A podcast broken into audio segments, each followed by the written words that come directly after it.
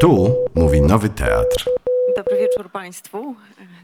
Tak właśnie zaczęliśmy od destrukcji tutaj, co jest właściwie w duchu Zebalda. E, Zaraz tu będą jakieś ruiny. Bardzo serdecznie witam na spotkaniu na promocji książki Sygnatury Zebalda, Zwierzęta, Widma, Ruiny Katarzyny Kończal, która tutaj jest z nami. Dzień dobry. Dzień dobry, dobry wieczór. E, I e, zapraszam na rozmowę wokół książek Zebalda ze znakomitym gronem. Jest tutaj tłumaczka Małgorzata Łukasiewicz, tłumaczka, eseistka, krytyczka, laureatka e, między innymi Nagrody Literatury na Świecie, Nagrody Translatorskiej imienia Boja Żeleńskiego, autorka przekładów między innymi Roberta Walzera, e, Christine Lavant, Józefa Rota, Maxa Frisza, no i Zebalda. Cały Zebald, tutaj leży tylko Wojna Powietrzna i Literatura, ale cały Zebald jest za nami. Ten Zebald e, wznowiony w Osolineum, e, ale cały Zebald e, po polsku to jest Czuje zawrót głowy, wyjechali, Austerlitz, Pierścienie Saturna, Angielska pielgrzymka, Wojna powietrzna i literatura i opis nieszczęścia. Camposanto. Nie wiem w jaki sposób mi umknęło. Tak, Camposanto, bardzo dziękuję. E, I książki eseistyczne twoje też e, wymienię. Dziwna rzecz pisanie, jak być artystą na przykładzie Tomasza Mana i my, czytelnicy, ostatnia twoja książka. E, Dzień dobry. I e, Tomasz Szerszeń, artysta wizualny, fotograf, antropolog i badacz e, sztuki, doktor nauk o sztuce, autor książek, tutaj nawet mam Wszystkie wojny świata i autor posłowia do wojny powietrznej literatury. Dzień dobry. Dzień dobry. Tak sobie pomyślałam, żebyśmy, ponieważ ta książka ma bardzo przejrzystą strukturę i w pewnym sensie nadaje te sygnatury, być może nadać sygnatury naszej rozmowie. Y, W ogóle jest to książka, którą, y, którą czyta się z takim, y, z, znaczy ja się bardzo wciągnęłam w tę lekturę. Ona jest bardzo przejrzysta i taka oświetlająca Zebalda od różnych stron. E, e, Takie miałam wrażenie. Może jeszcze za, zanim przejdziemy do tych sygnatur, e, to, e, to zapytam Was jeszcze o, o takie pierwsze wrażenia z lektury tej, e, tej książki. Moje wrażenia to są sprzed jakiegoś. Czy to działa? Moje wrażenia to są właściwie nie z tej książki w, w takiej postaci, w jakiej ona teraz wyszła, tylko z tego, co zawisło w pewnym momencie, Kasiu, jak obroniłaś doktorat i w związku z tym ułam wywiesił to, w, y, to, to e, w sieci i, i, i, i, też od razu, i też od razu mnie szalenie to wciągnęło. E, To jest bardzo piękna książka. To jest piękna książka, e, bo, bo jest zrobiona przez kogoś, kto nie tylko zna się na literaturze, ale, ale poza tym umie czytać prywatnie. I to jest chyba sekret tej, e, e, tej, tej, prawda? tego, że to, jest, e, że to jest takie dobre. To znaczy, że no bo doskonale wiemy, że prace naukowe nie zawsze odznaczają się tym, że, że nie możemy się od nich oderwać i że to jest przyjemność, że to jest satysfakcja, że te zdania jakoś odzywają się w naszej głowie. No tutaj właśnie tak jest. E, Tutaj właśnie tak jest i e, e, w, mm, no i w, tak generalnie to ja bym powiedziała Kasiu, że myśmy tu, my czytelnicy Zebalda, zasłużyliśmy sobie na taką książkę, tak? Bardzo dziękuję. Że, że w Polsce, gdzie ten Zebald y, no, się spodobał, jakoś, prawda, jakoś wszedł, y, zalazł nam y, za skórę, no to właściwie należała nam się taka właśnie książka o nim, tak.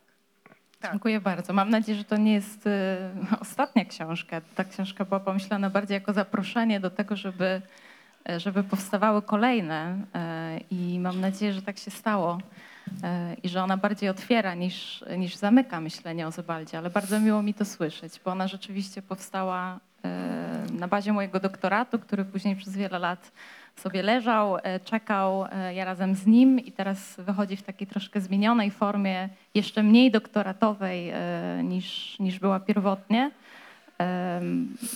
Ale zamysł się nie zmienił. Rzeczywiście ta struktura pozostała taka, jak była.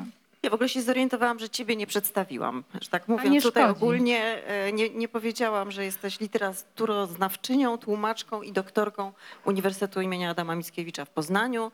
E, Tej książki nie czyta się jak doktorat, właśnie już o tym trochę wcześniej mówiliśmy, tylko jako takie studium oświetlające różne aspekty, z którym e, za tymi aspektami się podąża.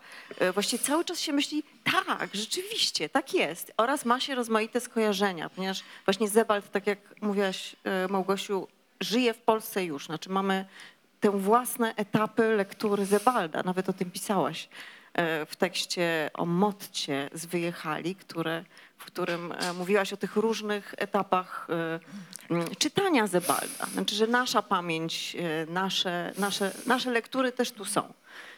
Także nadrabiam tylko to przedstawienie ciebie.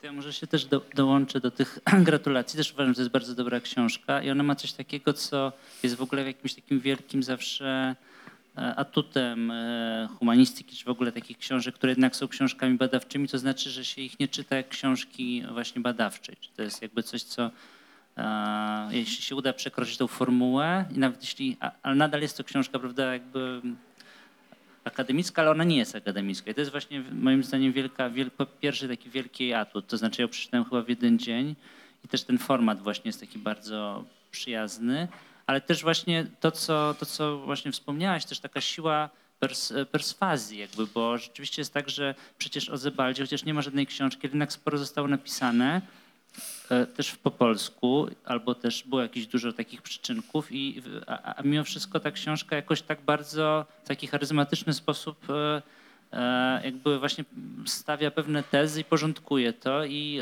rzeczywiście jest tak, że jakby odkrywamy, że tak jest trochę. To znaczy oczywiście potem można to już zacząć jakoś dalej podważać lub nie, natomiast ona ma taki bardzo przejrzysty e, prze- przejrzysty właśnie strukturę i wydaje się rzeczywiście, że, że zbiera bardzo dużo wątków i też ta interpretacja wydaje mi się jest taka dosyć, e, zwłaszcza te wątki właśnie związane z, z naturą, takie bardzo w, duchu tego, co jest e, teraz no, ważne na nowo, tak mi się wydaje, więc, więc gratuluję.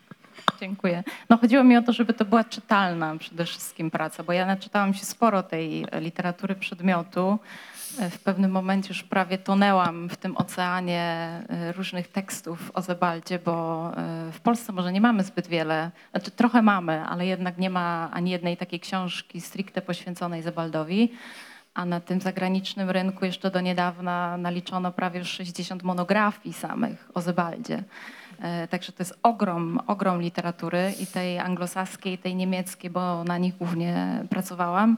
E, No i e, bardzo często spotykałam się z tym, że czasami nie szło tego czytać, że to już było aż tak uwznioślone albo aż tak zalegoryzowane, że, że, że po prostu trudno mi to było czytać, więc moim takim celem było też to, żeby to było jak najbardziej przejrzyste i proste w Jeszcze, zasadzie. jeśli można dodać coś, to jesteś w tej takiej dobrej sytuacji, bo ta książka jest pierwsza, jeszcze nie ma czegoś takiego, co na przykład właśnie z Zebaldem się stało, że to staje się taki trochę przemysł, prawda, że jest jakby rzeczywiście na zachodzie bardzo dużo już tych różnych e, komentarzy i to zawsze jest jakby taki, jesteś do, do dobrej sytuacji, że jeszcze nie, że jeszcze jakby to...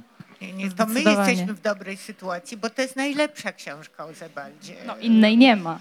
Nie, nie, ale nie w Polsce. To Nie, nie, Zdarzyło miałem na myśli że, sporo... że, że jeszcze nam to jakby nie, nie obrzydło trochę. No to znaczy, że jeszcze tak, ten komentarz nie stał się takim, no nie, nie stał się, znaczy nie, nie nabrał takiej formy przemysłu trochę, prawda? Bo tak jak się staje czasami z niektórymi pisarzami. Zgadza się, to już e, mówi się o tym e, w tej zachodniej e, recepcji. Powstają już nawet książki o recepcji Zebalda, także to już jest jakiś metapoziom, bo on się stał jakimś takim fenomenem, bardzo szybko trafił do kanonu i to nie jest dobre dla pisarzy, wydaje mi się jednak. E, No i stało się z nim dużo złego też, także teraz zaczynają powstawać książki, które proponują nowy obraz autora, które proponują nowe drogi odczytania. E, Także pewnie tak, w jakimś sensie jestem szczęśliwcem, że jestem pierwsza, e, ale mam nadzieję, że, że powstaną zaraz i kolejne. Ale co się złego z nim stało? W sensie wpadł do jakichś szufladek, w których y, tak unieruchomiono go? Tak mi się wydaje, wpadł najpierw do, też właśnie są takie różne fazy czytania Zebalda też na zachodzie. E, Najpierw się go czytało w tych takich bardzo e, popularnych kategoriach, właśnie jako, no na początku samym jako pisarza Holokaustu, to takie amerykańskie odczytanie Zebalda. Później bardzo dużo powstawało prac o pamięci, o fotografii. E, I, jak już czytałam kolejny artykuł o znaczeniu fotografii u Zebalda, to już wszystko było dość takie tautologiczne, powtarzalne. I wydawało mi się, że ten Zebald został gdzieś włożony w takie szufladki, z których bardzo ciężko już było wyjść. Także ja w pewnym momencie, jak e, szukałam takiej mojej drogi dojścia do Zebalda, e, no to doszłam do, do takiego muru i stwierdziłam, że nie napiszę już nic nowego, bo, bo wszystko już zostało napisane o Zebaldzie. On też sam dużo siebie wykłada, on w, swoich, e, w swojej twórczości zostawia bardzo dużo tropów, które bardzo łatwo idzie wpaść. Pójść właśnie w ten taki nurt pamięci, postpamięci, fotografii, to wszystko jest fascynujące, ale mam wrażenie, że to już jest bardzo, bardzo powtarzalne. I nie wiem, czy można jeszcze dużo, dużo napisać nowego.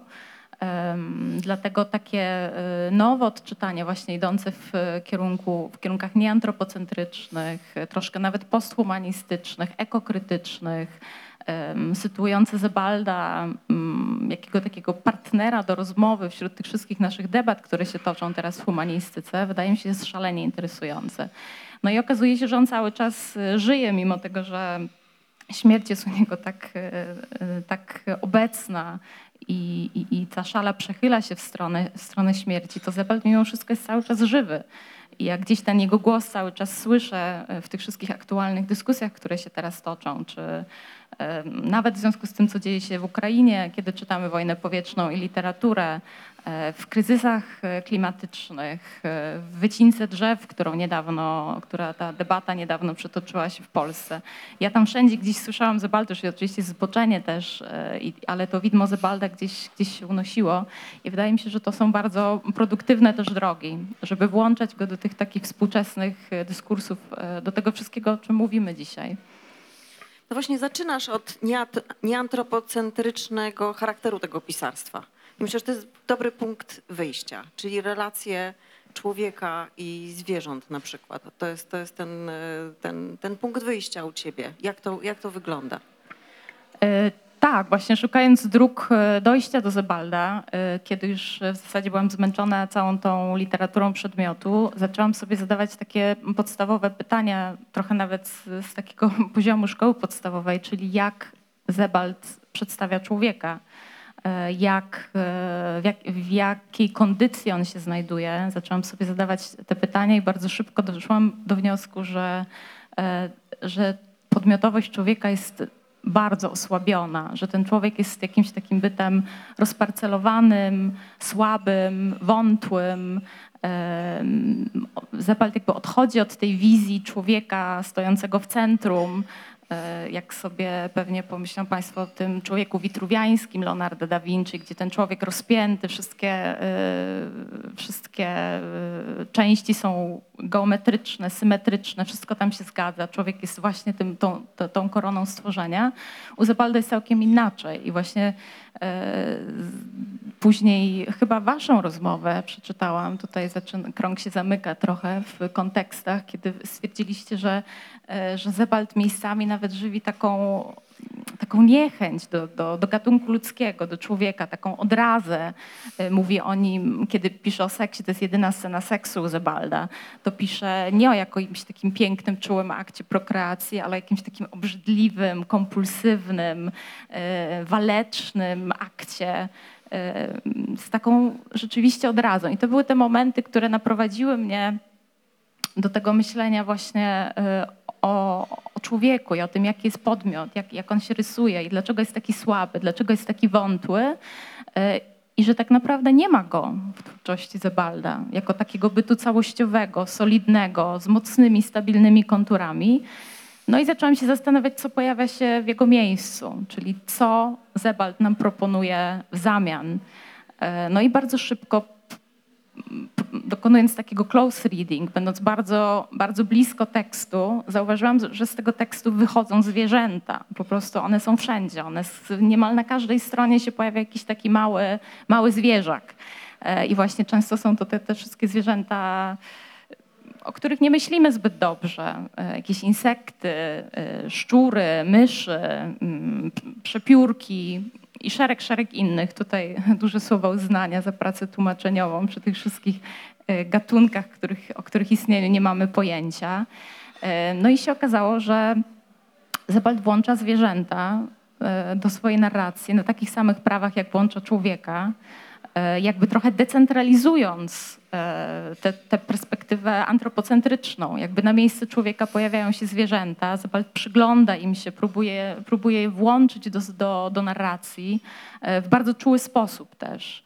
E, I to, to jest taka perspektywa, która teraz coraz częściej pojawia się w literaturze, ale jednak nie wiem, czy są tacy, dużo jest takich pisarzy, którzy z taką czułością podchodzą do zwierząt, e, próbują e, zastanawiać się nad ich uczuciami, e, nad cierpieniem, które zwierzęta odczuwają. Zresztą w wojnie powietrznej i literaturze te zwierzęta odgrywają dużą rolę jako ofiary, no nie tyle ofiary bombardowania, ale też te, które po bombardowaniu wychodzą na powierzchnię.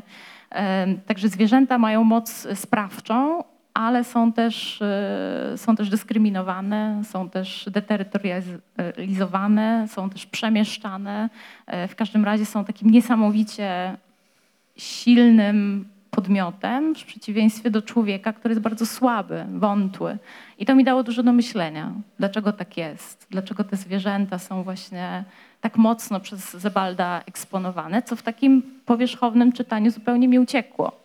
Znaczy wiedziałam, że tam jest szop pracz, że, e, że są jelenie, że jest e, sporo mowy o ogrodach zoologicznych, e, ale nie przyglądałam się temu bliżej. A kiedy się przyjrzałam, okazało się, że one zamieszkują tę prozę i są, są pełnoprawnymi bohaterami. No i jest tym taka wspólnota cierpienia, prawda? Bo też właśnie o tym piszesz, o tych śledziach na przykład. Tak, to jest taki, taka perspektywa mm, patocentryczna. Zebald jakby stawia to cierpienie zwierząt rzeczywiście e, w centrum i to mm, jest też kontrowersyjne, bo on zestawia oczywiście cierpienie Żydów, e, którzy zginęli w czasie zagłady z cierpieniem śledzi, e, które, e, które ginęły w połowach. E, To też widać na, na fotografiach, które umieszcza. Zebrał sporo krytyki za to też w zasadzie. To były takie proste odczytania, które, e, które mówiły, że Zebald jest tym, który zestawia śmierć Żydów ze śledziami, ale nie chodzi mu, nie, nie chodzi mu zupełnie o to. Jakby to ta, ta refleksja Zebalda jest dużo głębsza. Chodzi mu o takie pewne mechanizmy pokazania e, przemocy, e, która nie musi odnosić się tylko do ludzi. Jakby mechanizmy są takie same. E, I to, to jest myślenie, które ostatnimi czasy tak dopiero zaczyna do nas e, dochodzić.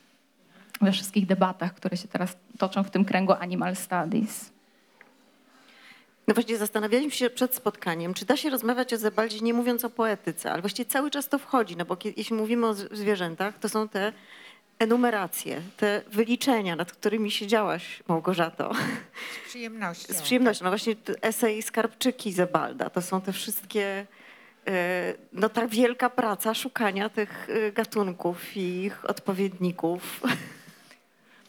Ale jak mówimy o zwierzętach, to, mm, to, to ja bym tutaj, oczywiście jelenie, oczywiście szopracz i tak dalej, ale jest, jest taka wzmianka, którą chyba lubię najbardziej e, e, ze wszystkich miejsc zwierzęcych u Zebalda. To jest wczuje zawrót głowy, kiedy narrator e, jedzie autobusem, przeprawia się przez góry. No, krajobraz bardzo piękny, prawda? Alpejski i tak dalej. To wraca w swoje, w, w, czuje zawrót głowy w ritorno. No i tak gdzieś już jest dosyć dalek, dosyć taki pusty ten krajobraz. Pusty w tym sensie, że mm, nie widać jakichś zabudowań, wsi i tak dalej. Natomiast przez te pola, czy hale, czy łąki wędrują dwie kury. I to jest bardzo piękny obraz i zupełnie nieoczekiwany, prawda? Kury, które wybrały się w daleką drogę, nie wiadomo gdzie. Kury jako bohaterki wolności, prawda? Wyzwoliły się z tego kurnika, nie są już niewolnicami, nie są skolonizowane przez człowieka i są w tym takim wolnym, swobodnym, pustym krajobrazie takim jedynym znakiem kogo, kogoś, kto śmiało wyrusza w świat. Uwielbiam to miejsce, ponieważ idzie jak gdyby no poniekąd wbrew rozmaitym innym, y, prawda, takim tropom bardziej wyślizganym albo bardziej, nie wiem, chwalebnym moralnie, prawda, Y, tylko jest po prostu zobaczony obraz. I właśnie kura jest tym godłem wolności. Tak, on kiedyś w swoich wywiadach e, też mówił, jest taki świetny tom rozmów z Zebaldem, nieprzetłumaczony niestety na polski. Mam nadzieję, że może kiedyś będzie przetłumaczony. Tak patrzę w stronę Solineum, o tutaj w pierwszym rzędzie. Ale e, to jest świetny tom rozmów, wywiadów. Ja wracam do niego bardzo często i tam właśnie Zebald, tak mi teraz przyszło, mówi o tym, że ma straszną słabość do kur. E, w ogóle do drobiu ma straszną słabość, bo uosabiają one dla niego właśnie takie istoty, które zostały zniewolone z jakichś dziwnych powodów, zamknięte w kurnikach i, i w sumie bez sensu zupełnie. E, Także on miał niesamowitą też e, jako człowiek słabość do, e, do zwierząt. Sam miał psy też, psy, które żywiły się wegetariańsko. Podobno był wielkim, wielkim wielbicielem zwierząt też w prywatnym życiu, ale te kury jakoś się powracają. Ale to jest też taka właśnie czujność tłumacza, który, który zwraca uwagę właśnie jeszcze bardziej pewnie niż ja, e, też mimo, że uprawiam takie bliskie czytanie, e, na te, na te drobinki. A okazuje się, że tak, tak jak te kury wyskakujące, tam wyskakuje strasznie dużo innych e, zwierząt. No właśnie te zwierzę... Jeszcze Nie, ja bym jeszcze dodała jedno zdanie i to też mm, ty o tym piszesz w swojej książce, że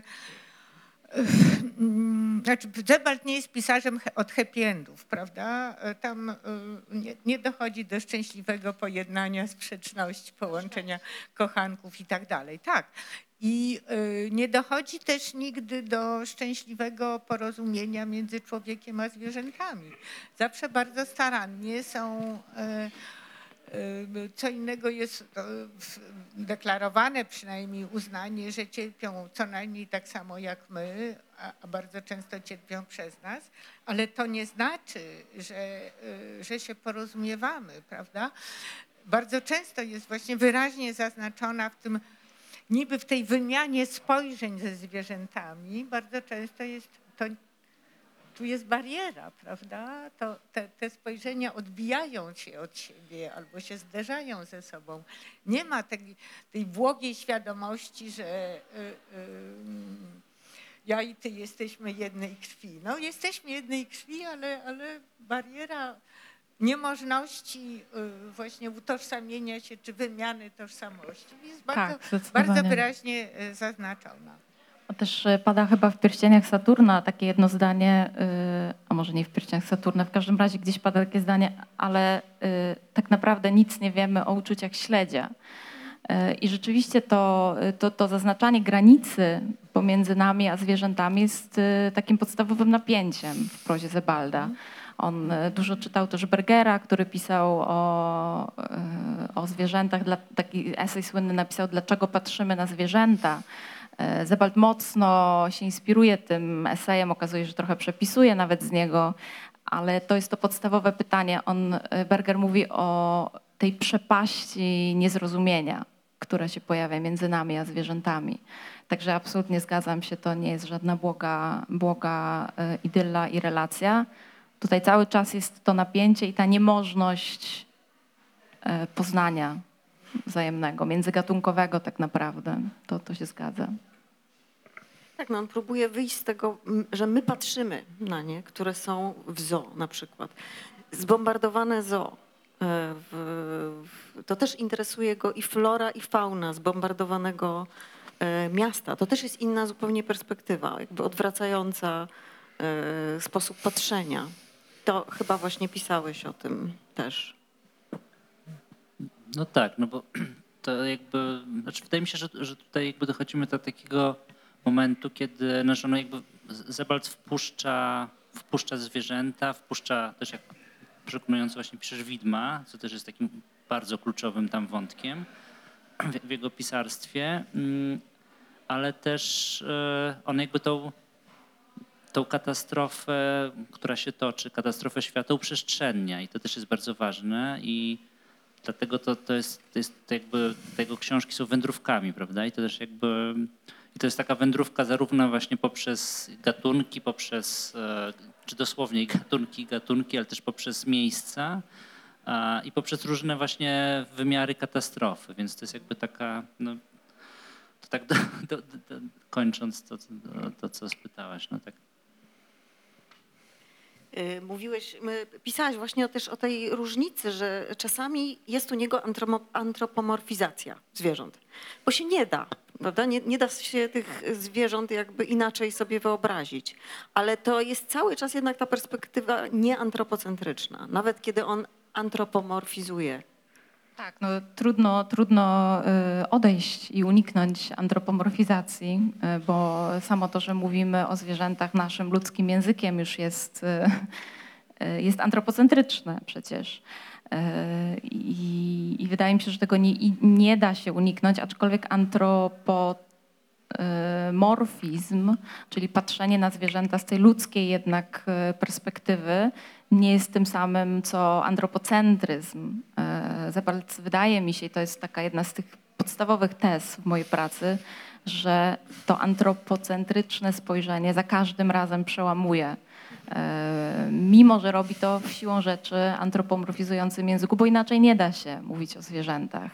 E, I często było mu to też zarzucane przez takich bardzo silnych zwolenników animal studies albo ekokrytyki itd., itd. Em, Ale wydaje mi się, że Zabal cały czas jest świadomy tej podstawowej, to co mówiłaś Małgosiu, tej podstawowej mm, niemożności mm, mówienia i myślenia o zwierzętach. Ale sam gest takiego włączenia ich do narracji e, wydaje mi się jest takim poszerzeniem wrażliwości e, literackiej. E, To, to że te, te oczy, to spojrzenie, przecież pewnie pamiętają Państwo początek Austerlica, kiedy te, te oczy słów na nas patrzą i w sumie nie wiemy, czy one na nas patrzą, kiedy czytamy, czy my na nie patrzymy, e, co się w tym spojrzeniu kryje. E, Także sama kategoria spojrzenia, ale też tego spojrzenia zwierzęcego jest niesamowicie ciekawa. No ale stanowi też granicę, której nie idzie pokonać. No i kolejna część, y, bardzo tutaj płodna w twojej książce, to są widma. No bo po prostu to jest niesłychanie widmo, y, widmowa twórczość. Y, Począwszy od tego, że widma zaludniają tę przestrzeń, że widma przeszłości, że widma cały czas mówią. Znaczy nie mówią, czy są widziane. Jak, jak, jak ta widmowość u niego wygląda? No to jest duży temat, dlatego też stanowi chyba największą część mojej książki, taką centralną, bo z tej widmowości wszystko się bierze. E, Ja trochę lubię myśleć o tej prozie Zebalda jako takiej prozie spektralnej, e, która właśnie odnosi się do tego spektru francuskiego, czyli widmo, duch, zjawa, ale też do tego łacińskiego specere, czyli patrzeć. E, I to wszystko ze sobą jest w jakiś sposób e, powiązane. Odnosi nas też do fotografii, która też ma taką bardzo widmową e, funkcję w tej twórczości. Ale rzeczywiście widma obok zwierząt są kolejnym bohaterem tej prozy. I, i, i ja tutaj dosyć mocno e, nawiązuję do Derrida, który pisał o widmach, który pisał o nich, o nich że one mają taki, taki potencjał wywrotowy, subwersyjny, że widma rozsadzają w zasadzie wszystkie twarde podziały na to, co ludzkie, nieludzkie, widzialne, niewidzialne. na to, co istniejące i nieistniejące. I w zasadzie to, co najciekawsze u Zebalda się rozgrywa gdzieś pomiędzy, pomiędzy tymi sferami bardzo twardych podziałów, do których przyzwyczaiła nas e, no, już od oświecenia, przyzwyczajeni byliśmy do tych twardych binarności. A widma są takim, tak trochę klinem wbijają się w tę rzeczywistość i e, mówią nam, no to tak nie jest. E, Nie jest tak, że mamy e, twarde podziały. E, Zebalda najbardziej interesują te, te sfery pomiędzy, te odcienie szarości, to co, to, co mm, jest trudne do zidentyfikowania. Dlatego cała ta proza jest w zasadzie widmowa. Tam, tam wszyscy bohaterowie są tak naprawdę widmami. Austerlitz nie wiadomo, czy on istnieje, czy nie istnieje, czy nie jest tylko duchem. Em, Sam narrator, są takie teorie, że może on wcale nie istnieje, może też jest jakimś takim widmem, e, który się zjawia tu i tam, pojawia się, później znów go nie ma. E, Także ta widmowość jest chyba takim, no, taką nerwaturą tej, e, tej całej twórczości. Ale tu można by, można by mówić e, godzinami pewnie. Aczkolwiek jest to coś, co Zebalda strasznie fascynowało na długo przed tym, jak my zaczęliśmy mówić o, o widmontologiach, widmach i tym, co robią z naszą rzeczywistością. Mówił w wywiadzie, właśnie cytujesz, literatura w dużej mierze polega na prowadzeniu rozmów ze zmarłymi, odbywaniu wypraw e, w mroczne strony życia. Tak e, z jednego wywiadów. Ale właśnie to pisałeś o tych, bo te, miejsca jakby promieniują widmowo. Na przykład dworce, prawda? Czy mm, e, mm, e, Gard- Garda Austerlitz i e, dworzec mm, w Londynie promieniują y, przeszłością.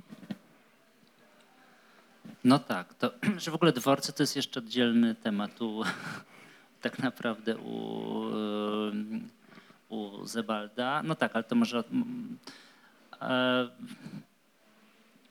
znaczy, to jest e, no, no, w- właściwie... To, znaczy, można, można tutaj odejść w ogóle od tego i jakby pokazać, jak, jak, znaczy to, to, co zresztą ty pokazujesz, jak bardzo, jak, bardzo właśnie kwestia widma jest powiązana z konkretnymi miejscami też, prawda? Jak to gdzieś jest, e, jak właśnie ta, ta, ta widmologia jest też e, właśnie uprzestrzeniona. To jest jakiś taki bardzo ważny też, wydaje mi się, motyw tam. E, I to jest też taki trochę psycho, psychogeograficzny motyw, to znaczy te jakby te wędrówki bohaterów właśnie e, Zabaldowskich są takimi właśnie psychogeografiami, że one, one jakby, które gdzieś e, właśnie mapują te takie przestrzenie naznaczone. Właśnie to jest taka, też to taki zaświat właściwie, w którym, w którym o, o, oni się cały czas, mm, że tak powiem, mm, po, po którym się przemieszczają. A, więc tak, tak od, odpowiadając jakby na bezpośrednio twoje pytanie. O, o, o dworzec. Bo cała ta trzecie, trzeci rozdział twojej książki, prawda, to jest właśnie o tych widmach, ale nie tylko o ich obecności, tej takiej fizycznej i dobrze opisanej, prawda, że tam y, pewnemu szewcowi w Walii się zdarzało widzieć cały, no i tak dalej, i tak dalej, prawda? Tylko, że to ma, no jak gdyby to jest taką kategorią jego pisarstwa w ogóle, ta widmowość, która nie polega tylko na tym, że oprócz nas tu obecnych, e, dobrze wyraźnie widocznych, jest, są jakieś tłumy widm w powietrzu, tylko w ogóle to nam odbiera jakby taką to, co uważamy za swój taki, no nie wiem, poznawczy y, y, przywilej czy atrybut, prawda, że jak coś widzę, to to istnieje, prawda. Tę, tę taką elementarną pewność poznawczą, czy w ogóle pewność, prawda, pewność tego, e, e, że ta kanapa w jakimś momencie się kończy i tutaj już kanapy nie ma. No właśnie to wszystko, te, takie elementarne pewniki e, Zebald nam troszkę, troszkę odbiera w swoich e, e, tych wszystkich e, w, w tych wszystkich opowieściach, prawda? Jak pisze, że w Wenecji spotkał króla Ludwika Bawarskiego i tak dalej, to sam sposób, w jaki on to komunikuje, jest tak cudowny i tak rozbrajający i tak zwalający z nóg, że rzeczywiście traf, tracimy tę błogą pewność, że Ludwika Bawarskiego nie można spotkać dzisiaj prawda? E, I tutaj ja bym taki przypis dodała od siebie. E, Ja bym dodała taki przypis, bo jedną z postaci, mm, z postaci, która jest jakoś też takim upiorem Zebalda, prawda, duchem, który go nawiedza, jest Wittgenstein. Prawda, ktoś tam powtarza e, jak gdyby z nazwiska, albo się wciela w nauczyciela Paula Bereitera, albo się wciela, a, plecak, z plecakiem Wittgensteina paraduje Austerlitz. No takie e, e, rozmaite, rozmaite przejścia. No i pośród tych, tych, tych rozmaitych obecności Wittgensteina e, znaczy Zebald napisał też taki jakby szkic scenariusza, czy nie wiem właściwie jak się ta forma mm, w, filmologii y, y, nazywa. Y, y, życie W. W z, krop, w z kropką, czyli domyślamy się, można się domyślać, że chodzi o, Wi- o Wittgensteina, y, choć w tym scenariuszu właściwie to nazwisko pada tylko raz, kiedy ktoś Wittgenstein woła z, y, z entuzjazmem i zdumieniem, że on, tego. A tak to mówi się w, w, o nim per, per W z kropką. No i są tam rozmaite, przypomniane rozmaite epizody z życia w- historycznego Wittgensteina, między innymi e, coś, co wiąże się z miastem Kraków i okolicami, mianowicie odbywał on częściowo służbę w- patrolową e, na statku, który nazywał się jak? Goplana. Goplana, właśnie. Właśnie, właśnie. W scenariuszu ta nazwa pada z błędem. Gorplana. E, Gorplana, e, no nie wiem dlaczego, e, jak do, doszłam do tego miejsca, zaczęłam się intensywnie zastanawiać, przede wszystkim nad Wittgensteinem. Nie wiem tego, czy, czy Wittgenstein patrolując na statku Goplana wiedział skąd jest ta nazwa i do czego się odnosi. Słucham? Krakowie miał Polaka przyjaciela, który mu wiele rzeczy o Polsce opowiadał. Jest na ten temat książka, której tytułu i wyda- wydawnictwa w tej chwili nie pamiętam, ale mam tę książkę i jest ona wydana w Polsce po polsku i są w niej części w, językach obcych, bodajże również po niemiecku.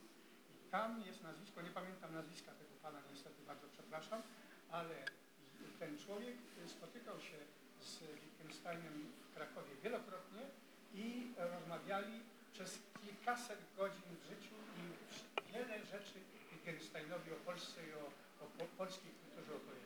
I czy myśli pan, że powiedział mu też coś, o co się prosi, ale przede wszystkim w kontekście Zebalda, że była to istota z mgły i galarety, prawda? Otóż wydaje mi się, nie wiem, może Zebaldowi też to ktoś powiedział, ale gdyby mu ktoś to powiedział, to nie byłoby tego błędu, wtedy byłoby go plana jednak, prawda? Gdyby Zebald wiedział, jakiego rodzaju widmem była e, była ta pani, no to, to wtedy nie zrobiłby tego błędu. Myślę, że szkoda, że nie wiedział. Ale jeżeli wiedział to Wittgenstein, no to troszkę już nas pan posunął dalej w rozpoznaniu.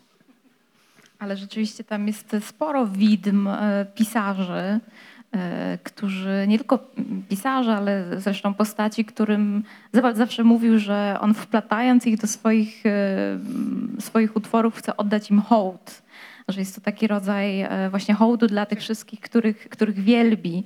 E, No też trochę kradł, też trochę brał od nich, nie zaznaczając tych cytatów, ale zawsze ujmował to w takiej w taki sposób, że pisanie literatury nie jest y, siedzeniem przy stole i tworzeniem jej y, i podpisywaniem się jako ja, autor jeden, napisałem tę książkę, tylko dla niego literatura jest jakąś taką komunią, y, jakąś taką ucztą i nie wstydził się tego. Także te widma grasują innych pisarzy w jego twórczości stale, nieustannie. I to ten Wittgenstein jest bardzo, bardzo czytelny.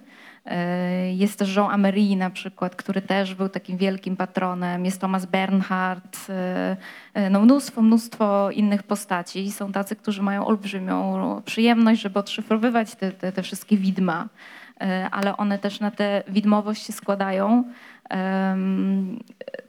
i tworzą taki jakby, no taki, taki nurt trochę podziemny tej całej twórczości Zebalda, że tam jest nie tylko Zebald, tam, jest, tam są jeszcze dziesiątki innych pisarzy i oni rzeczywiście jak takie widma nawiedzają, e, nawiedzają tę prozę.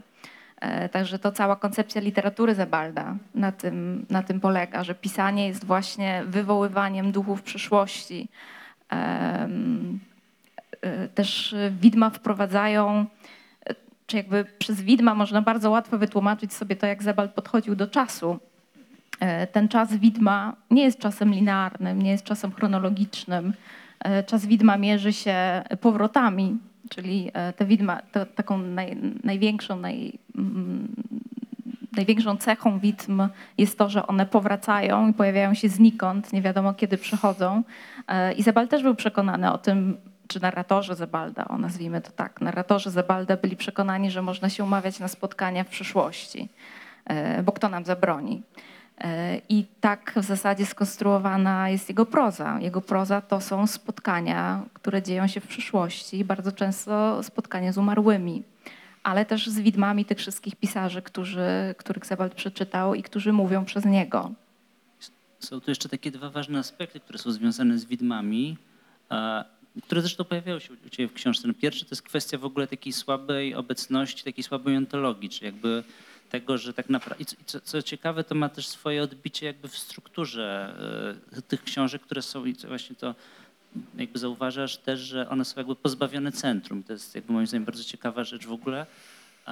I to jest, tak, to jest taka jedna kwestia, właśnie tych słabych, słabych ontologii, słabych e, tego takiego zdecent, zdecent, zdecentralizowania jakby tej literatury i świata i w ogóle doświadczenia, ale też jakby taki aspekt, który się pojawia też u ciebie na końcu, e, jak rozumiem za Derrida, czyli tej, tej takiej etycznej trochę odpowiedzialności widm i takiego właśnie tego mm, e, też takiego właśnie aspektu mm, pokrzywdzonych, słabszych, którzy gdzieś poprzez, te widma przypominają o sobie i to są zarówno ludzie wykluczeni, zwierzęta, prawda? To jest taki bardzo, to się pojawia na końcu tej właśnie twojej książki, to jest jakby gdzieś coś takiego bardzo, no, ja czytam to jako taki też polityczny postulat trochę i to jest ciekawe, no bo jednak Zebalda zwykle w tym kontekście, znaczy, no dobrze, podoba mi się, że to tak połączyłaś. Tak, no czytam trochę Zebalda jako taki projekt etyczny. E, e, Ca, cała ta literatura, całe, całe to pisanie Zebalda jest pro, projektem etycznym dla mnie, a widma pomagają mu w takim e, poszerzeniu wrażliwości, włączeniu innych.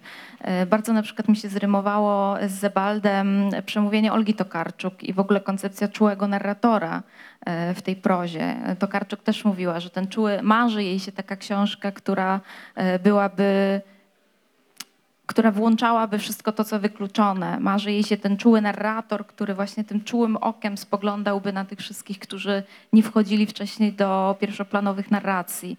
E, Ja też tak trochę patrzę na tego narratora Zabaldowskiego, a widma pomagają mu w tym, bo właśnie za Derridą e, widma mają też taki e, potencjał do tego, żeby włączać wszystkich tych, którzy zostali z jakichś powodów z historii wykluczeni i nie znaleźli się w tym głównym nurcie. A Zebalda zawsze bardziej interesuje tło niż, niż pierwszy plan, to na pewno. E, Ale to ten etyczny wymiar jego twórczości jest dla mnie ważny. Tutaj dochodzimy jeszcze do takiego momentu właśnie takiej zdecentralizacji tego spojrzenia, prawda? Ty, ty mówisz o pryskopowym, nie wiem, ja bym to nazwał może nawet stere- stereoskopowym czy jakimś, ale w każdym razie to spojrzenie składa, one, trochę nie wiemy, kto patrzy w którą stronę i tak naprawdę tych spojrzeń jest tam bardzo wiele. E, I e, to też jest ważne, bo to jakby też pokazuje taką, mm, takie właśnie taką de- de- decentralizację dyskursu, ale też w ogóle mm, te- też e, właśnie takiego, takiego rozbicia, rozbicia ja, prawda, na, na właśnie na my, trochę w duchu to, co powiedziałeś Olgi Tokarczuk, czy takiego trochę odejścia od... Może mówmy, że Olga Tokarczuk w duchu Zebalda. duchu, właśnie, może to jest, to, to jest właściwy, ten właściwy porządek.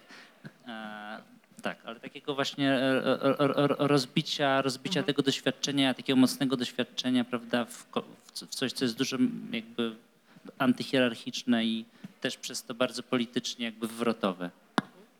No, Ale jak jesteś... Mów.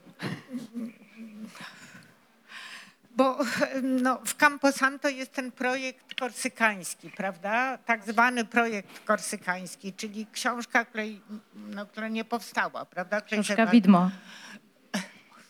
Otóż to, właśnie, właśnie. No dobrze.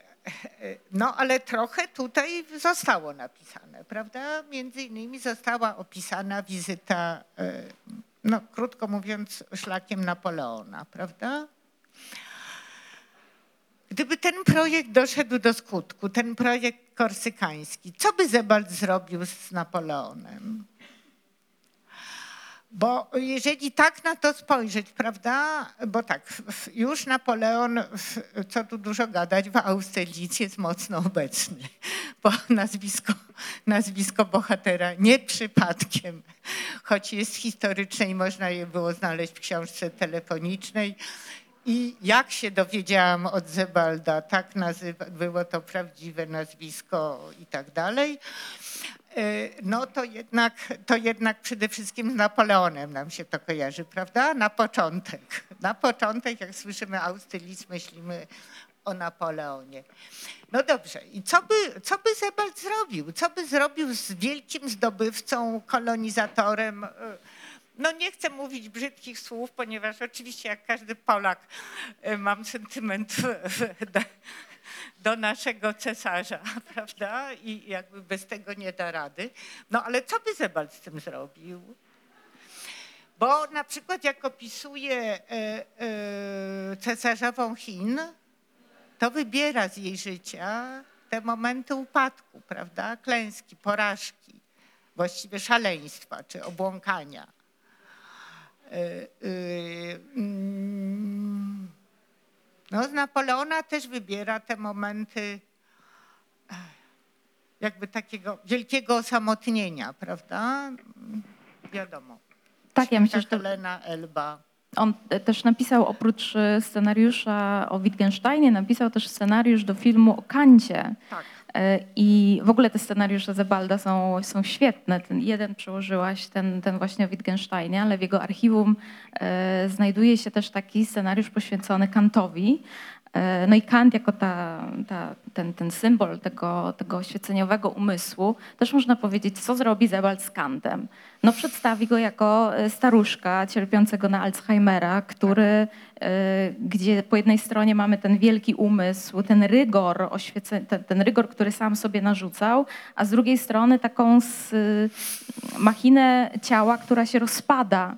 Także Zebald zawsze szukał w tych postaciach tych takich e, szczelin, przez które wychodził jakiś rozkład, e, to, że ciało się nie trzyma, to, że ciało jest słabe, to, że w tych wielkich umysłach jednak są dosyć niskie pobudki bardzo często.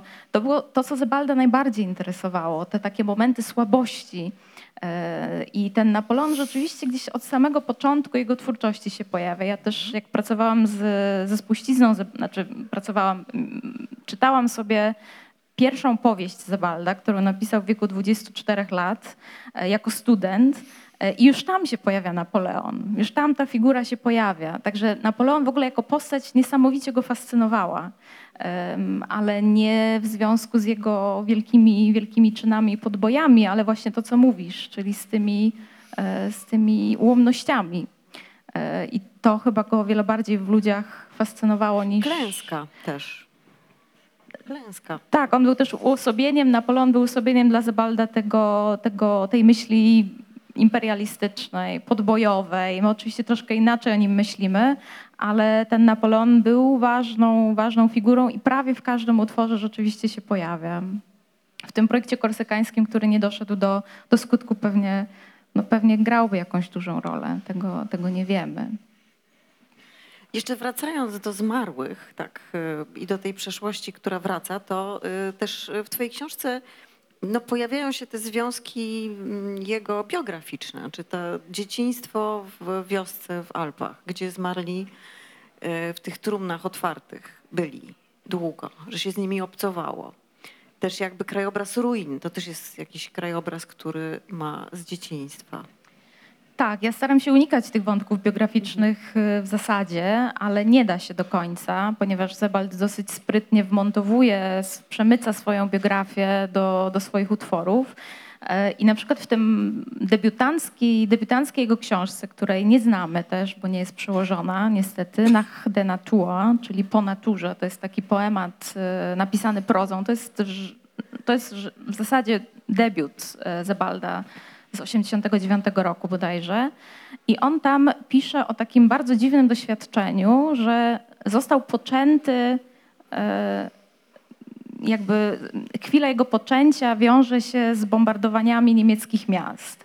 I, i to samo, i, i pisze, że jakby u progu jego życia jakby było to doświadczenie bombardowań, nawet tak nieświadomie przeżyte. Później całe dzieciństwo spędzone, kiedy, kiedy pojechał do miasta, widział w zasadzie ruiny i miasto zawsze mu się kojarzyło z ruinami. E, I, I w zasadzie to, to zniszczenie, bombardowania jakoś tak bardzo, bardzo silnie wiązał ze swoim życiem, mimo że nie przeżył tego. I on używał też po niemiecku takiego określenia Zeitheimat, e, czyli taka ojczyzna temporalna, ojczyzna czasowa. Właśnie lokował ją w tamtym czasie, e, w tej końcówce wojny, e, w tym doświadczeniu zniszczenia, bombardowania, e, jakiegoś takiego zniszczenia porządku świata. To było dość mocno wpisane w niego, taka, nie wiem, postpamięć, pamięć międzygeneracyjna, która jakoś taka w nim, w nim bardzo mocno została. E, Także to doświadczenie na pewno, na pewno rzutuje później na jego, na jego twórczość. Choć ja staram się nie czytać autobiograficznie mocno e, Zebalda. No dzisiaj e, wojnę powietrzną i literaturę naprawdę się inaczej czyta, mając w głowie po prostu obrazy zbombardowanych miast. Ale właśnie do czego jest mu potrzebne, to, to pisałeś o tym właśnie w posłowiu, do czego jest mu potrzebne to mm, ten to wytykanie właściwie braku opisu y, tamtych wydarzeń, bo nie chodzi właśnie tylko o to, żeby powiedzieć, że tego nie ma w literaturze. Tak, znaczy to jest też taki wątek, znaczy można to też czytać jako taki wątek biograficzny takiego, prawda, trochę takiego no, wyparcia, czy też, no, w ogóle ta, ta książka jest bardzo specyficzna, no, jakby ta, ta relacja między, e, między powiedzmy jakimś takim, ten, ten biografizm jakby jest tutaj dużo bardziej na, na, na talerzu, że tak powiem, w jakimś sensie, znaczy on po prostu wprost pisze, że jest to nie- nieprzeżyte jakby jakieś takie doświadczenie, E, I tak jakby gdzieś e, próbuję spojrzeć na nie oczami pisarzy niemieckich, ale tych, tych obrazów nie ma, prawda? Więc to jest takie bardzo, myślę, bardzo taka dziwna sytuacja i stąd wy, wydaje mi się wynika ten jego gniew olbrzymi. Ale, ale mm, tak upraszczając bardzo oczywiście. Ale chciałem jeszcze coś nawiązać jeszcze bo, mm, do, do poprzedniej właśnie twojej wypowiedzi, która się, do tego, co powiedziałeś o, o, o po naturze, bo dla mnie na przykład było wielkim odkryciem to, co piszesz, nie, nie, nie wiedziałem, jak, jak, bardzo, jak bardzo jednak po, po naturze było w tym, em, powstało pod, w, w efekcie, czy też pod, wpływem katastrofy w Czarnobylu. I to jest, to jest takie bardzo mm, cie- ciekawe, jak bardzo można wpisać w ogóle mm, to, tą pierwszą właśnie zebaldowską rzecz właśnie w, w, w kontekst katastrofy atomowej, prawda, jądrowej. To jest, to jest, bo to jakby stawia go rzeczywiście, pokazuje jak bardzo to wpisywanie w ten kontekst taki po- post e, antropocentryczny, jak bardzo jest uzasadnione też takiego jakby względu. I tutaj jakby pojawia się też e, ten Günther Anders z Cezamie Czarnobylskimi, to jest też właśnie 86 rok, więc to jest też taki bardzo ciekawy kontekst. A, a jeśli chodzi o, e, o to, no tak, no, więc to już może skończyć. Może, może właśnie, żeby tak nie... No właśnie, to co będzie z po naturze i z czekając, bo to są takie dwa utwory, mi się wydaje, które tutaj się pojawiają i ich nie, no nie mamy ich. Czy coś będzie? No To nie do mnie pytanie. Nie. Do mnie też nie w zasadzie. Właśnie, do Tomka też nie. Czy coś będzie? No ja bym bardzo chciała, żeby ten debiut się ukazał Zebalda, ale... Są tu tacy, ale w tej chwili kryją się za kolumnami. Kryją się za no. kolumnami. Y, No i właśnie, to jeszcze czekając, bo, bo to jest takie opowiadanie. To jest opowiadanko, które jest w zasadzie w archiwum. Ono chyba się nawet nie ukazało e, w ogóle. E, Także to archiwum nie jest jakieś przepastne. e, Nie można się spodziewać tam wielkich rewelacji. Tam są te takie juwenilia, te wczesne powieści z lat 60. Może dobrze, że się nie ukazały, aczkolwiek są taką skarbnicą tych wszystkich wątków Zebalda. No jest to wspaniałe, moim zdaniem, opowiadanie właśnie Wartend, czyli czekając, e, które też e, trochę, trochę analizuje. E, I, najciekawsze w tej wczesnej twórczości Zebalda jest to, że tam są ukryte w zasadzie wszystkie wątki, z które, z, które, które on później wykorzystywał w swojej późniejszej twórczości. Także ten poemat Nach der Natur e, po naturze, przetłumaczony już na, na angielski After Nature, byłby ciekawym dopełnieniem tej twórczości, aczkolwiek nie jest to łatwy też utwór pewnie. E, Taki dość e, podejrzewam, że do tłumaczenia też niełatwy, dość tajemniczy, e, symboliczny miejscami, aczkolwiek e, zbudowany w bardzo podobny sposób jak wiele innych e, utworów Zebalda. Nagradzany zresztą wtedy, kiedy się ukazał, pokazujący też Zebalda, Zebald był też poetą przecież, przez, całą swoją, przez całe swoje życie pisał wiersze, trochę pokazujący Zebalda z innej strony, właśnie od takiej może poetyckiej strony, ale nie wiem, czy ty Małgorzata myślałaś o tym, żeby się Oczywiście, że tak. Ale, oczywiście, że tak, bo, bo oczywiście ja się, ja się naturalnie zgadzam z tym, że to jest inny trochę Zebald, tak? Ale y, mm, jednocześnie to pokazuje, to pamiętam jak napisał to Henryk Bereza, już nie wiem, czy poczuje y, zawrót głowy, czy, czy, czy, czy, po, na, y, czy po następnej książce. Zebald jest poetą w prozie i to jest bardzo dobre zdanie, bo krótkie i pokazuje przede wszystkim jedną rzecz, że, y, y, y, że my sobie tak żyjemy w tym świecie podzielonym na poezję i prozę, prawda? Jak Boileau, prawda? Jakby, jakbyśmy ciągle żyli w epoce, którą Boileau naznaczył swoimi, Boileau jak gdyby dla przykładu tylko, prawda? Takimi y, podziałami y, po, po, literaturoznawczymi czy poetyckimi, które nie ma poetyckimi w znaczeniu gatunków, y, które, y, a literatura, którą pi- piszemy i czytamy, coraz bardziej przestaje się mieścić w tych, y, w tych rubryczkach. Tu poezja, a tu proza, a tu w słupku, a tu w ciągu i tak dalej, że te podziały przestają cokolwiek, y, cokolwiek znaczyć. Jeżeli zaczynamy mówić, że prawdziwie ciekawe są dopiero właśnie takie kategorie, między innymi te, ty, tymi, którymi ty operujesz w swojej książce, prawda? Ta widmowość narracji, prawda? Wszystko jedno, czy będziemy teraz mówić z naciskiem na widmowość narratora, czy widmowość no, e, e, fabuły w cudzysłowie, prawda?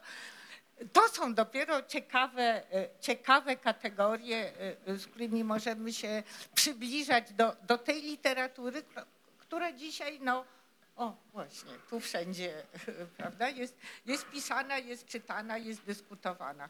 No, więc y, y, mm, oczywiście, że, że, że to, to mm, ten, ten poemat Unikam używania tytułu, ponieważ y, y, y, interpretacja tego tytułu jest czymś bardzo złożonym i nie chciałabym się teraz w to wdawać.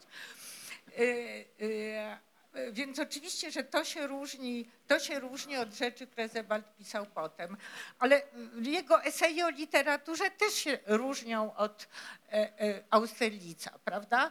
No dobrze, y, w, w ramach twórczości jednego pisarza, no tak się składa, że mamy do czynienia z różnymi e, książkami. Natomiast ta pewnego rodzaju zatarcie, czy właśnie widmowość granicy między poezją a prozą, no jest tutaj jawna, bardzo wyraźnie widoczna. Tak, Zebald też się sprzeciwiał temu, żeby mówić o jego. Ja w ogóle sama mam takie duże opory, kiedy, kiedy muszę powiedzieć powieść e, o utworach e, Zebalda. Jakby nigdy mi to nie przychodzi łatwo. Przez pierwsze lata, kiedy Zebald się pojawił w Polsce i właśnie się o tym mówiło, to ja chytrze używałam słowa opowieść.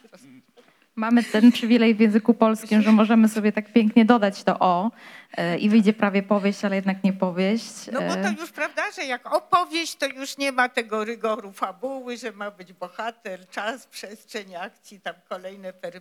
Prawda? Troszkę się jak gdyby rozluźnia ten, ten gorset, ale no daleko się w ten sposób nie, nie ujedzie. No powiedzmy sobie wprost, że te podziały no, w jakimś momencie są nie do utrzymania i przestają nam cokolwiek ułatwiać. Szczególnie w przypadku Zebalda. On sam zresztą mówił, że jego e, medium nie jest e, powieść, a proza. Tutaj dochodzi jeszcze poezja i tak dalej, ale on generalnie e, też bardzo, bardzo nie lubił tego etykietowania. Tego, zresztą jego eseje, tak jak wspomniałaś, są bardzo nieakademickie, e, wymykają się, dlatego one były nielubiane Sebald nie był lubiany jako krytyk, jako literaturoznawca, lubiany, znaczy nie był, nie traktowano go poważnie, bo zaczął e, pisać, dużo pisał o biografiach, o jakichś takich psychosomatycznych rzeczach, gdzie tu jakaś poważna krytyka, krytyk nagle zaczyna pisać o zaburzeniach psychicznych autora i tak dalej, i tak dalej. To były, zawsze Sebald przełamuje te utarte granice i, i to, co też pokazuje w mojej książce, że to przełamanie tych binarności, których, które, których, które Sebald dokonuje na poziomie fabuły, ma też przełożenie na przełamanie binarności w poetyce. E, Czyli ta słaba ontologia człowieka, o której Sebald cały czas nam mówi, przekłada się na słabą ontologię samego dzieła literackiego. Jego dzieła są słabe. Nie chodzi o wartościowanie, ale słabe w takim kontekście struktury, są wątłe, są fragmentaryczne, są otwarte na wszystkie strony, są, e, są właśnie widmowe. Nie mają granic, nie mają konturów, wylewają się. My sami się gubimy w labiryncie, mamy zawroty głowy, jak czytamy. E, dlatego się posługuję też tą kategorią szwindlu, czyli właśnie tego zawrotu głowy po niemiecku, ale i oszukaństwa, bo trochę jesteśmy oszukiwani. E, Więc, e, więc ta widmowość, o której mówisz, to rzeczywiście może być taka produktywna kategoria. Na pewno bardziej produktywna niż zamykanie się w gatunkach. No tak właśnie dobrze się udało dojść na koniec do tej poetyki, która cały czas wchodzi, no bo to się właśnie wszystko, ta widmowość ogarnia wszystko. E, Pisałaś, e, Małgorzato, właśnie o tym, jak e, znaczy w tej ucieczce od fikcji, jednocześnie kiedy się stara przyszpilić Zebalda w szczegółach, to on nas wyprowadza w ogóle e, nie wiadomo dokąd. Znaczy, że na manowce, że to jest e, jeszcze takie inne działanie. No ale dokąd nas wyprowadza? Na manowce w tym sensie, że, e, że właściwie dlaczego na manowce? Wprowadza nas w jakiś taki stan, no stan niepewności, czy stan właśnie takiego, że nie wiemy e, właściwie jak to z tym Ludwikiem Bawarskim. Widziałam go wczoraj w Wenecji, czy nie widziałam? Bardzo ciekawą uwagę, i to było w pierwszej recenzji, jaka się ukazała, Poczuję zawrót głowy, w nowych książkach? Chyba tak. W każdym razie napisała ją Krystyna Kofta. I ni stąd, ni zowąd w tej recenzji y, y, napisała coś, co do tej pory wydaje mi się szalenie bystrą uwagą. Y, Mianowicie, że jak czytamy Zebalda, to w jakimś momencie te przeżycia, które się zdarzają tam narratorowi czy jakiejś postaci, to jakoś one tak, ich pamięć, ich wspomnienia przenoszą się nam do głowy. Tak? I że nam się wydaje, że właściwie nam się to zdarzyło, że myśmy z tym Ludwikiem Bawarskim gondolą przedwczoraj e, e, e, sunęli. I e, ja sobie bardzo dobrze przypominam, że e, mm, kiedy, kiedy już się tak wdałam w tego Zebalda i już tłumaczyłam i Przy wyjechali jest mowa o tym, jak to on e, wyrusza tam, żeby odwiedzać swoich krewnych w Ameryce tropem e, e, zagubionego e, wujka. Znaczy nie on, tylko jego narrator oczywiście. E, e, No dobrze, no jest taki opis, że właśnie on jedzie samochodem przez, przez wielką, wielką amerykańską e, autostradę. I, I tak jakoś bardzo blisko tam nad tą autostradą nagle wysuwa się y, y, świeżo, y, świeżo po starcie duży samolot, bo, przeje, bo przejeżdżamy obok lotniska. Otóż jestem pewna, że kiedy ja jechałam amerykańską autostradą mniej więcej w tym miejscu, to akurat nie było tego samolotu. Natomiast jestem gotowa dać sobie uciąć rozmaite ręce i nogi, że był. Widzę to świetnie i ten dar przekazywania swoich wspomnień jest coś takiego u Zebalda niewątpliwie. Może właśnie dlatego, że one są niczyje, że nie są przywiązane, właśnie, że są własnością widmy, czyli wspólną, prawda? I że wszyscy mamy udział w tych obrazach, że one nie są zastrzeżone dla e, Kmicica, czy dla Wokulskiego, czy dla Serenusa Zeitbloma, tylko, e, tylko one gdzieś tak e, e, krążą w powietrzu i bardzo łatwo wchodzą nam do głowy. I potem te rozmaite historie, a to z dziadkami, a to z tymi kurami, które widział e, na spacerze w Alpach. No, potem już nie damy głowy, czy to nam się przypadkiem nie zdarzyło. Może też tak być przez y, taką dużą drobiazgowość y, Zebalda w opisach. Y, Tam każdy szczegół jest istotny, wydaje mi się. I to nagromadzenie szczegółów konkretu jest niesamowite. Te, dlatego te zdania są tak rozbudowane, dlatego podziw wielki oczywiście dla tłumaczenia takich, takich zdań, które mają pół, pół strony albo i nawet jedno chyba z najdłuższych zdań ma siedem czy osiem stron. E, Więc tam nagromadzenie tych drobiazgów jest niesamowite i może stąd tak dobrze zapadają nam w pamięć te, e, te miejsca. Też pewnie jakaś sugestywność, e, pewna widmowa aura, jaka się u, u, unosi nad tą prozą, też pewnie na to wpływa. Ale rzeczywiście tak jest, to potwierdzam. No i Ja powi- tu jednak coś Zebalda wyróżniło, dlatego że jakby cudowna plastyczność zdarza się różnym pisarzom i na ogół jest to coś, co lubimy. Ja przynajmniej bardzo to lubię, prawda? Natomiast no, nie, zdarzy, nie zdarzyło mi się nigdy pomyśleć, że, e, że wraz z Prustem e, no, rozpływała mi się Magdalenka w ziołowej herbatce, prawda? Nie, ja wiem, że to się Prustowi zdarzyło. Nigdy bym by sobie nie rościła w, i tak dalej. Więc to, to nie jest tylko ta, to, co zwykliśmy nazwać plastycznością czy drobiazgowością opisu. To, to się mieści, wydaje mi się, że to się musi gdzie indziej mieścić. To, mm, pewnie trudno, trudno to uchwycić, ale być może związane jest też z figurą samego narratora właśnie, który jest, y, no właśnie sam jest taki widmowy. Ktoś kiedyś, y, nie wiem czy to byłaś ty, czy, czy ktoś, ktoś inny z polskich badaczy, powiedział, że ten narrator Zebalda jest jak taki mm, papi, papier światłoczuły. e, Że na nim się odbijają jakieś takie rzeczy różne, które, mm, które padają na ten papier, zostają e, poprzez naświetlenie.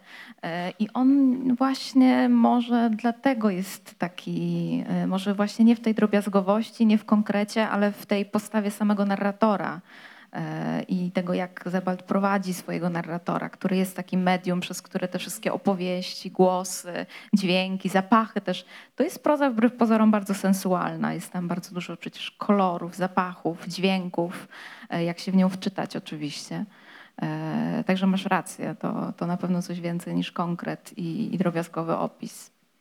No jeszcze powinowactwa. On jakby zaraża tym, że się zaczyna widzieć je. Myślę, że takie jedno słowo, które mi zawsze przychodzi, mnie, kiedy, kiedy czytam Zebalda, no to są te jego powinowactwa, które się odkrywa. Z nim oczywiście przede wszystkim, ale że tu się jakieś rozciągają takie, takie macki. Jest e, taki projekt e, internetowy, który nie pamiętam, kto jest jego autorem, autorką, bo to chyba kobieta, która stworzyła taką mapę rzeczywiście wszystkich tych powiązań. To jest totalnie akrybiczna praca. E, Są tacy, tacy zapaleńcy, którzy, którzy tropią te wszystkie powiązania. Ja nie mam do tego cierpliwości, nie jest mi to też potrzebne za bardzo, ale tropią te wszystkie powiązania, te nitki, które Zebald tu między XVI wiekiem a XX, tu między tym bawarskim a Ludwikiem a kimś innym rozciąga. Jest właśnie taki projekt, który kiedy się klika, pokazują się te wszystkie mapy, te, te linie, te siatki. Jakby cały świat jest osieciowany i to jest niezwykłe. Dla mnie ten projekt był, mogłabym tam patrzeć i patrzeć na to. E, Ktoś zadał sobie niezwykłego trudu, e, jakaś artystka, nie pamiętam teraz imienia, nazwiska, e, ale to pokazuje jakby stopień powiązania. Nie wiem, jak pracował mózg Zebalda. Jak, widzę jakiś taki popcorn strzelający w wyobraźni, który po prostu łączy te wszystkie elementy i wyskakują te, e, te rzeczy. Dla mnie nie do ogarnięcia, dlatego też praca nad tą e, prozą jest taka trudna, bo tam wszystko się łączy ze sobą. Tam nie ma nic, co nie odnosi do czegoś innego. I w tym też no, kolosalna, kolosalna zasługa Zebalda, kolosalna wyobraźnia też, żeby to, te wszystkie sieci ze sobą połączyć. No i wtedy czas przestaje istnieć, odnogi czasu się otwierają, Schulz, y, Paziński, ulice, ptasie i inne, po prostu wszystkie sieci. No bo tak się dzieje właśnie, kiedy czytamy tę książkę, to nam się otwierają te różne, różne korytarze. Y, Będziemy zmierzać y, powoli do końca, żeby też y, Państwu oddać głos, bo tak właśnie czas zaczął się rozszerzać. Ale na koniec chciałam takie najprostsze pytanie, bo, bo, bo o, tą, o tę rolę zdjęć o fotografii, bo to jest coś takiego, co zawsze jest interpretowane, ale być może y, właśnie jest interpretowane w sposób już mm, najmniej ciekawy, że to jakby idzie dalej.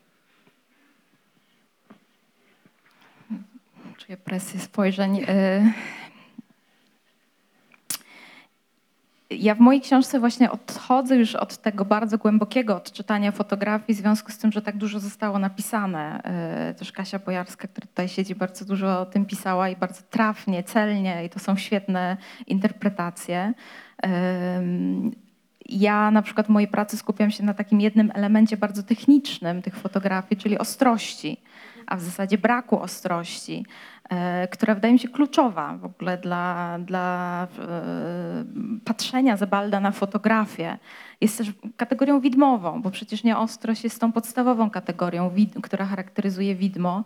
E, Zebald jak pracował nad, swoją, nad swoimi książkami, wycinał najpierw te zdjęcia z gazet na przykład albo z jakichś innych rzeczy, następnie kopiował je na drukarce na swoim uniwersytecie, e, jakiejś takiej starej, zepsutej drukarce, e, przyklejał je do kartki, to wszystko jeszcze raz drukował, e, kserował, żeby było jak najmniej ostre, żeby odejść od tego, od tych właśnie twardych konturów. I to wydaje mi się naj, najcen, najcenniejsze w, w, tym, w, tym, w tym byciu z fotografiami, że otwiera to pole pole do interpretacji, do niejednoznaczności, ale jest też kategorią per y, widmową. Ja, jeżeli chodzi o fotografię, to bardzo lubię y, patrzeć na nie, jak kiedyś ktoś ukuł takie pojęcie slow images, że one są takim, takimi wolnymi, y, tak, takimi obiektami, które spowalniają narrację, które spowalniają czytanie, które powodują, że musimy się zatrzymać, potknąć o tę fotografię. E, I o to Zebaldowi też chodziło, żeby rozbić to flow e, powieściowe, wydaje mi się.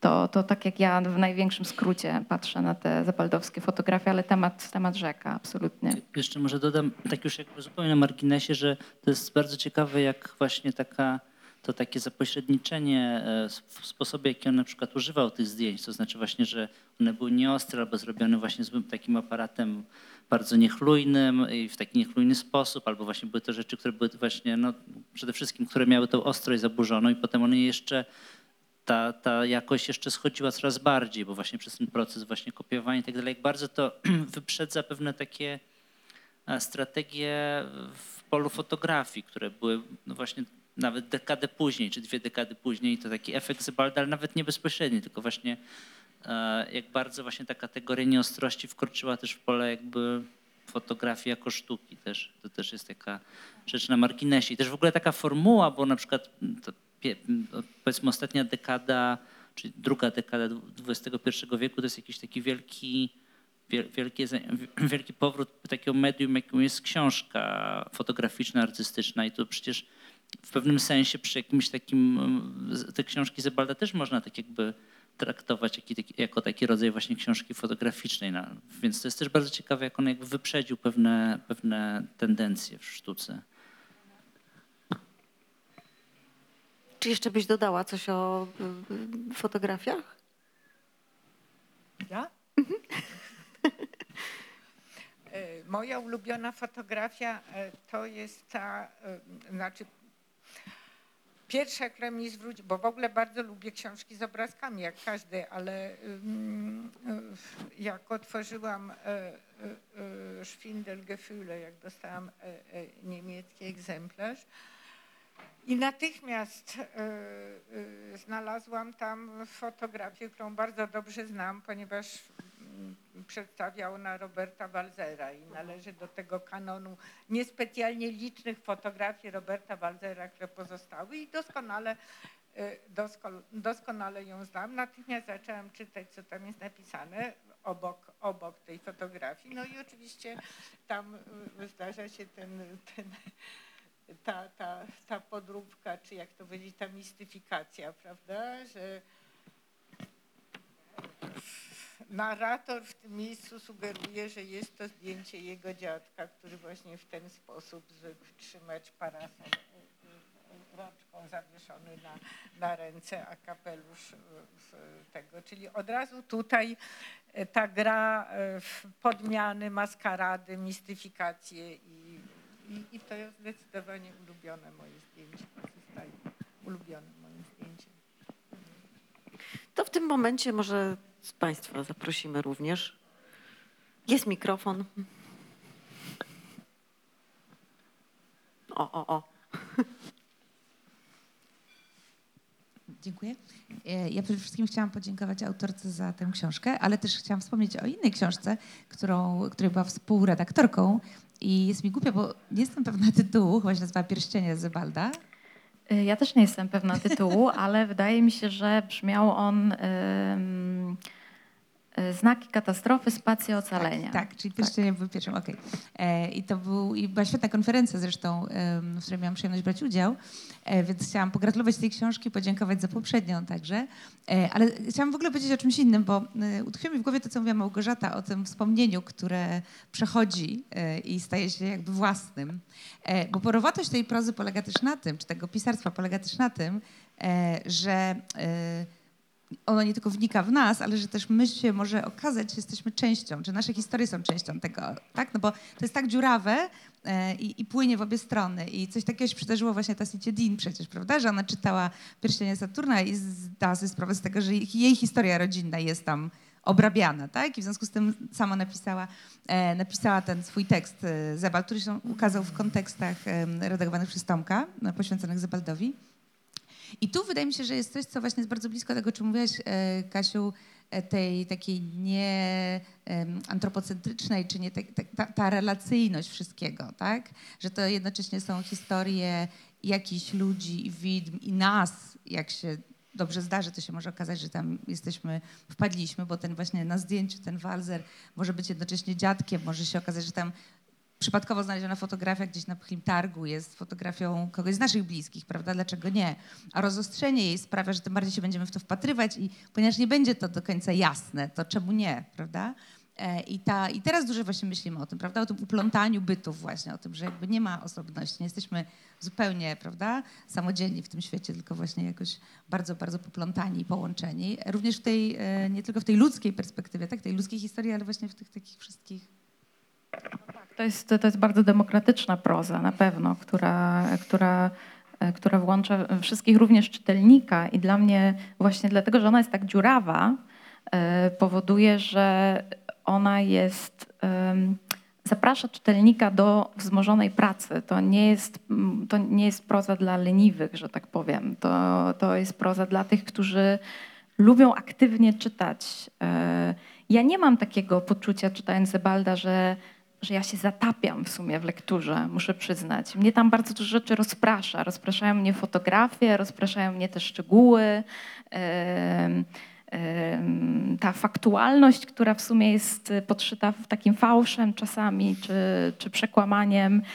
Mnie bardzo dużo rzeczy rozprasza. Nie mogę się tak wciągnąć w tę twórczość Zebalda, mimo że ją wielokrotnie czytam, czytałam.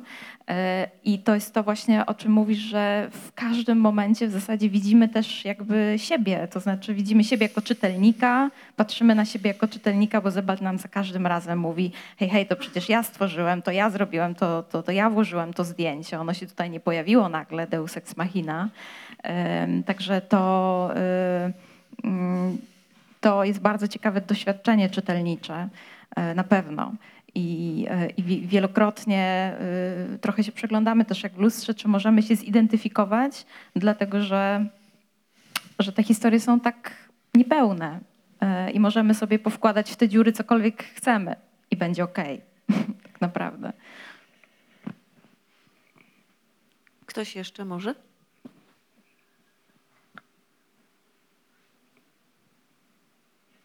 No jak nie, to, to będziemy zmierzać do końca, chociaż u niego historie nie mają końca. Nie mają końca i chyba to ty napisać Małgorzata o tym wchodzeniu do labiryntu, z którego się nie chce wyjść. I nie chodzi o to, żeby wyjść. Y, Bardzo Państwu dziękuję i dziękuję za tę książkę. Y, Bardzo zachęcam do zakupu i całego Zebalda, który tu jest. Bardzo Wam dziękuję. Czekamy na kolejne Zebaldy. Czekamy na kolejne Zebaldy. Dziękuję i dziękuję Państwu. Dziękujemy. Bardzo.